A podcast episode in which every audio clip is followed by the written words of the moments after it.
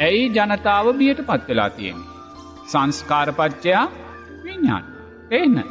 දැනීම් සකස් වෙන්නේ බියට අදාළ දැනීම් සකස් වෙන්නේ ඇයි ඊට අදාළ සංස්කාර අපි තුළ හේන. බියවීමට අදාළ සංස්කාර අපි තුළ තියෙනවා. නේද. නිදහසේ ජීවත්වෙන්න සැනසිල්ල ජීවත්වෙන්න සැහැල්ලුවෙන් ජීවත්වෙන්න බියකින් තොරව ජීවත්වෙන්න අදාළ සංස්කාරයන් අපේ පිටිපස්සේ නැහැ දුර්ල බයි තේන්න. ඉති හෝක මේ සුන්දර ධර්මයක්. එතවට ඕකට අපි කොරෝනාවට බැනල වැඩ නැහැ. ඉති අපි තුළ සම්මා දිට්ටිය අර්ථයන් ලෞකික ප්‍රඥාවට අදාළ සම්මා දිට්ටියේ සම්මා සංකප්පයන්ගේ අර්ථයන්ගේ දුර්වල භාවයමයි නෝනා සමාජය තුළ මේ බිය සකස් කරලා ඒ. තේන. බුදුරජාණන් වහන්සේ දේශනා කරනවා නෝනා අනාගතය කැන මෛත්‍රී බුදුරජාණන් වහන්සේගෙන් පස්සේ කල්ප විනාසයක් සිද්ධ වෙනවා කියලා. තේන්නයි. මේ බද්‍ර කල්පෙ විනාස වෙලා අලු දුහවිලි බවට පත්වෙනවා. එතොට මේ අලු දුහවිලි බවට පත්වෙන්නේ ඇයි මේ පංචුපාදානස්කන්ද ලෝකය. නොනා මේ බද්‍රකර්පය පුරාවට ලෝතුරා බුදුරජාණන් වහන්සේලා පස් දෙනෙක් වහන්සේලාගේ ශාසන තුළ ලෝක සත්ව ප්‍රජාව කරගත්තා වූ අකුසල් පුච්ච පුච්චා පුච්ච පුච්චා විපාක දෙන. ඒනයි.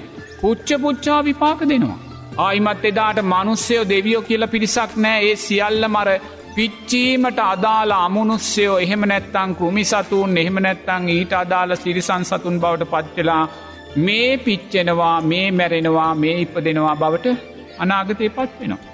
ඒ කියන මේ මුළු මහා පොළොවම නෝනා චතුස් කන්නයක් චතුස් දවාරයක් ඒ ඇන ගිනි නිරයක් බවට පත්වෙනවා.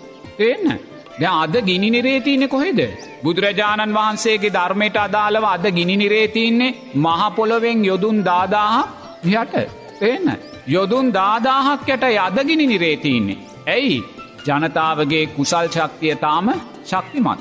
පිනතාම ශක්තිමත්ව තියෙනවා කලා වූ පින් ශක්තිමත්ව විපාකට දෙනවා. ඒ නිසාම චතුස්කන්නය චතුස්දවාරය මහපොළොවෙන් යොදුන් දාදාහක් යටයි තියෙන්නේ. තේන්න. නමුත් මනුස්්‍යයාගේ අකුසල් නිසාම නෝනා යම් දවසක අනාගතයේ මේ මුළු මහ පොළොවම චතුස් කන්නයක් චතුස් දවාරයක් ගිනි නිරයක් බවට පත්වෙන. එන්න. ඒ ගිනි නිරයක් බවට පත්වෙන්නේ ඇයි.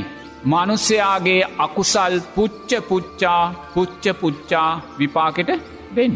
එතොට මනුස්්‍යයා මේ බද්‍ර කල්පය තුළ කරගත්තා වූ අකුසල්. පිච්චි පිච්චි ඉරවල් එකක දෙකක තුනක හතරක පහක හයක හතක මේ මහා රස්නේ ගිනි රස්නේ පිච්චි පිච්චි පිච්චි පිච්චි විපාක දෙද්දී මොකක්ද වෙන්නේ. ඔබ කියන්නක මොකක්ද වෙන්න කියලා. මිනිස්සු ඒ සිදුවන දේත් එක්ක ගැටිලා තවත් අකුසල් රැස් කරගන්නවා ස්වාමින් වහන්ස. ඒ අකුසල් කන්ද විපාක දෙද්දී පිච්චීම නිසාම තව අකුසල් කන්දක් රැස් කරගන්නවාද නැද්ද. එහෙම අය අපේ ස්වාමින් වහන්ස. එහේ තව අකුසල් කන්දක් රැස් කරගන්නවා. එනන්න ඕනම් මේ ලෝකේ නැවතීමක් කියන කාරණයක් නැහැ. තේන්න. මේ අකුසල් කන්ද විපාක දෙද්දි දෙයි හාමුදුරුවනේ තව අකුසල් කන්දයක් තවත් බද්‍ර කල්පයකට අදාළ අකුසල් කන්දයක් අප එදාට සකස් කරගන්න එහනම් මේ වියරු දුකෙන් අවසාහනයක් නිමාවක් ගැන අපිට කවදක්වත් කියන්න බැහැ. තේන්න. එතොර දැන් මේ බලන්න මේ කොරෝනා රෝගය තුළනු නෝනා මොනසා මනුස්සයා මනුස්්‍යයා අතර බියක් ඇති වෙලා තියනවාද කියලා. තේන්නයි. එක මනුස්සෙක් තව මනුස්සෙකුට කොච්චර බියද කියල බලන්නකු තේන්න. මූනක් බල්ල කතා කරන්න පුළුවන්කමක් නෑ දැක්කහම පැනලදුවනවා ඕන කෙනෙක් දිහැ බලන්න සැකෙන් තේන්න. දැම් බලන්න කොහෙමනං අනාගතයේ වැඩිකාලයක් යන්න නෙමේ අවුරුදු දහක් විතර යනකොට වැඩිම උනොත්යයි. මුර්ග සංඥාවක් එනවා. තේනයි. ඒ මුර්ග සංඥාවන්නේ මහගුඩ ලොකු කාලෙකට පස්සේ නෙමේ. එතකොට ඒ මුර්ග සංඥාවෙදී එක මනුස්සෙක් තව මනුස්සයකුට පේන්නේ මුර්ගෙක් වගේ කියන. තියන්න. එදාට ඔබ මාව දැක්කොත් ඔබ මාව දකින්න මුර්ගෙක් වගේ මරාගෙන කන්න ඇනගෙන විනාස වෙන්න සණ්ඩුවෙලා විනාස වෙන්න එහෙම තමයි අපි දැක්කොත් අපේ තුළ සිතුවිලි සකස් වෙන්නේ. තියන්න ඒ මුර්ග සංඥාවෙදි. තියන්න ඉතින් එහෙමනම් බලන්නකොන ඕනා මෙච්චර සුන්දර ධර්මය තියන මොහොතේ. මෙච්චර සුන්දර චතුරාර් සත්‍ය ජීවමානව සයනල් මොහොතේ. මෙච්චර ගෞරුවනිය සාමීන් වහන්සේලා මේ උතුම් ධර්මයන් දේශනා කරන මේ උතුම් පින්කම් සිද්ධ කරන මොහොතේ. නොනම් මනුස්සෙක් මනුස්සේකුට මෙච්චර බයනං. තේරනාද. මේ රෝගිය නිසා මනුස්සෙක් තව මනුස්සෙක්කො මෙහෙම මගහරිනවනං. තව මනුස්සෙක් තව මනුස්සෙක් කෙරෙයි දවේශය ඇති කරගන්නවා නං. නොන දැන් කෙනෙක් ඉදිරියේ කෙනෙක් ඇස්සොත් කොයිසා ගැටීමක් ඇතිව නොති කියල බලන්නකෝ කොයිසා ගැටීමක් ඇතිව නොති කියල බලන්නකෝ. ඒ වගේ අපි දැන් දකින්න ඕනෙ නෝනා මේ වියරුව මේ කොරෝනා වියරුව මේසා වියරුවක් නං නොනා අනාගතයේ ඇතිවෙන මුර්ග සංඥාව කොයි වගේ වියරුවක් වේද කියල. එන්න කොයි වගේ වියරුවක් වෙයිද කියලා. දැන් පසුගේ දවසක මහත්තෙක් මට දාන බෙදවා. එන්න.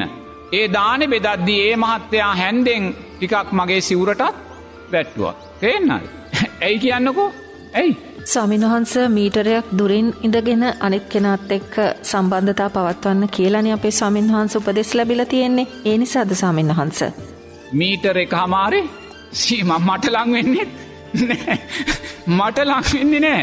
ඔනේදරු අර මහත්තයාර මුහුණුවාවරණය උද්දාගෙන දැම් මන්සාමාන්‍යයෙන් ඕන පොදු තැනකදී මුහුණුවාවරණය පාවිච්චි කරන්න බස්සේක මගින් ගියාම වාහනයක අද්දී ඒසෑ නමුත් නොන පින්කමකට පින් දෙෙන වෙලාවෙදි අපි මුහුණුවාවරණ ගලෝලයි පින් දෙන්න. තේෙන්න්නද මොකද පුතේ සංඝයාගේ සුපටිපන්න ගුණේ උජු පටිපන්න ගුණේ ඥාය පටිපන්න ගුණේ සාමීචි පටිපන්න ගුණය ඒ අර්ථයන් ශක්තිමත් වෙන ආකාරයෙන් එපෑදරුව අපි කෙනෙක් ඉදිරිිය හැසිරෙන්න්න පින් දෙෙන වෙලාවක තේන අපිත් ඒ වෙලාවේ ලෙඩට බයේ පංචනීවරණ පොදි බැඳගෙන අපිට පින් දෙන්න ගියොත් ඒ පිනෙෙන් වැඩක් ඇතිවෙන්නේ නැහැ.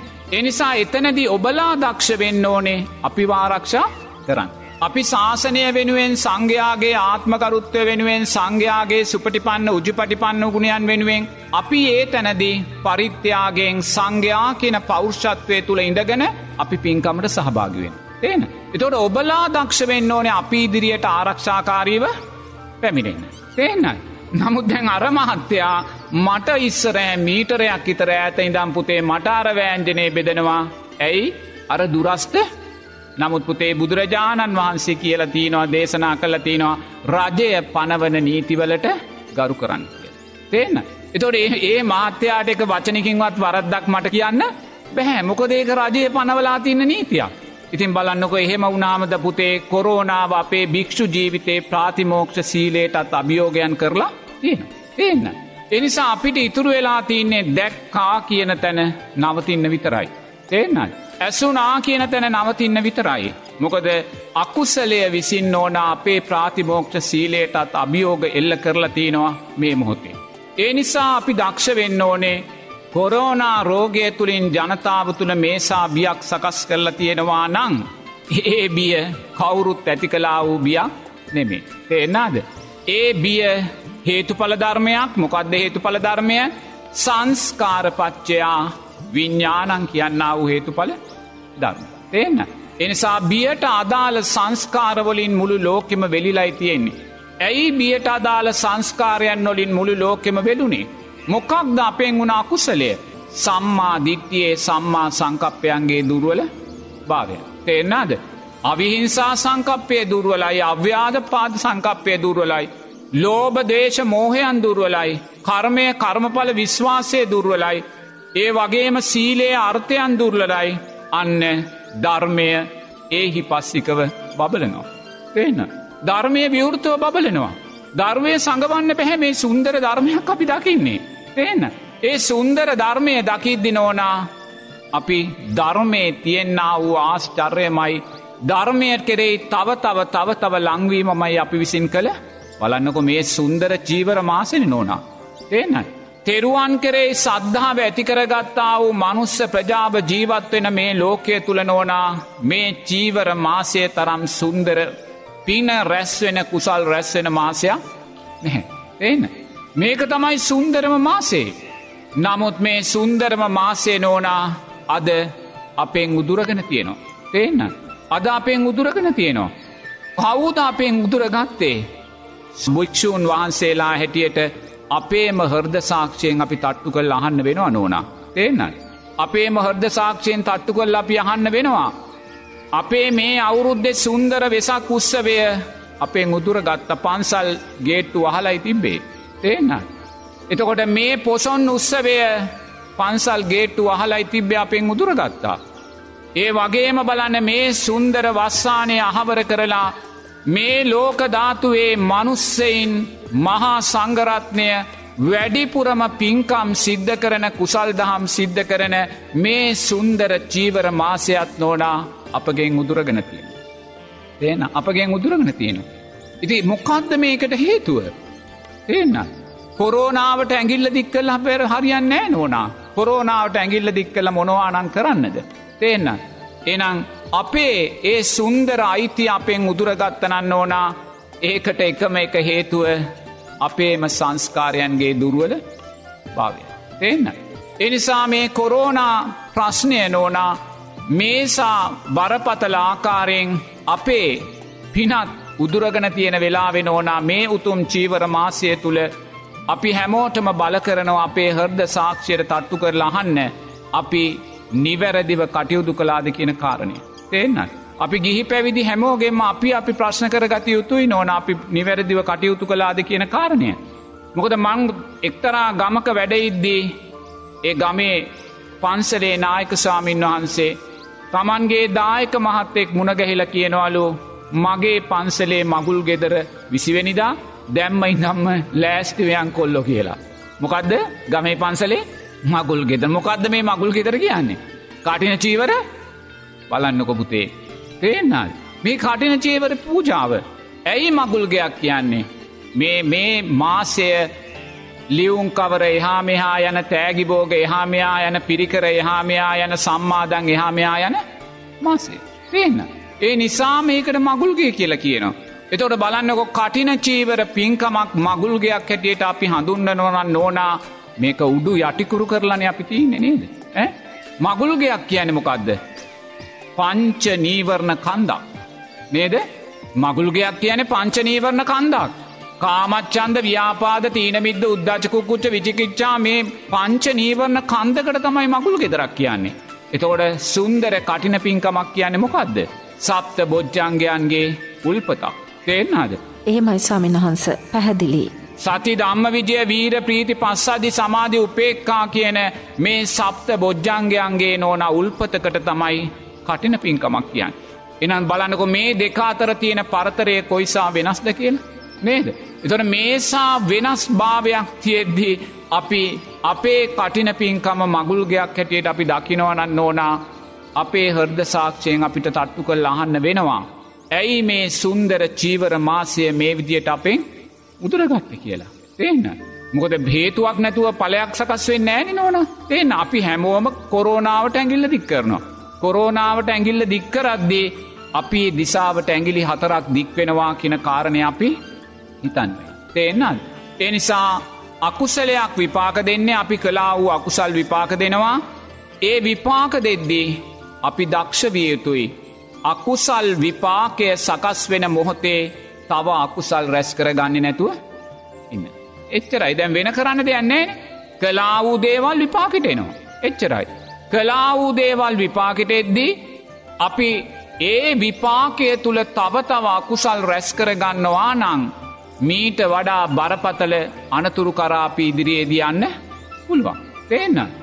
ඒ නිසා දැන් කලා වූ අනතුර විපාක දෙනවා ඒ හරි. ඒ විපාකය තුළ අපි දක්ෂවීතුයි නෝනා නැවත අකුසල් රැස්කරගන්න නැතුව නිරේතුරුවම විපාකය තුළ ආර්යෂ්ඨාංගික මාර්ගය ශක්තිමත් භාවයට පත් කරගන්න. තේන්නත්. ආර්ෂ්ඨාංගික මාර්ගයේ ශක්තිමත් භාවයට පත් කරගන්න. එහෙම නැතුව ප්‍රශ්නයට බයවෙලා ප්‍රශ්නයට විචිකිච්චාවෙන් සැකයෙන් කලබලෙන් අපි කටයුතු කරන මොහොතක් පාසා අකුසලේ විපාක දෙද්දී අපි නැති තව තව අකුසල් රැස්කර ගැනීමෙන් මේ අකුසලේ නෝනා තුන්වෙනි රැල්ලක් හතරවෙනි රැල්ලක් මේ වගේ දිගින් දිගටම අරගෙන යන ක්‍රියාන්විතයක් බවට මේක පත්වෙන්න පුළුවන්. එන්න. එනිසා සුන්දර ධර්මයක් කොරෝනා නාමයෙන් අපි දකින්නේ ඒ ධර්මය ඒහි පස්සිකව සමාජය තුළ ලෝකය තුළ බබලෙනවා ඒකට කාටවත් අපිට ඇගිල්ල දික් කරන්න බෑ. ඇගිල්ල දික්කොලොත් ඇගිලි හතරක් තමා දෙසට දික්වෙනවා කියන කාරණය දකින්න ඕනේ. මං කාටවත් ඇගිල්ල දික් කරනවා නෙමේ. මම දික්කොලොත් ඇගිලි හතරක් මා දෙසට දිගවෙනවා ඒ නිසා අපි දක්ෂවිය යුතුයි නෝනා. මේ කාරණය ධර්මානුකූලව තේරුම් අරගෙන අකුසලයයි විපාක දෙන්නේ. මේ අකුසලය මේසා වියරුවක් නං මේසා කලබලවීමට හේතුවක් නං මේසා සමාජය බියට පත් කරලා තියෙනවා නං අනාගතයේ ඇතිවෙන මුර්ග සංඥාව කොයිසා වියරුවක් වෙයිද කියන කාරණය මතු කරගන්න. අනාගතයේ ඇතිවෙන කල්ප විනාසය කොයිසා වියරුවක් වෙනවාද කියන කාරණය මතු කරල ගන්න.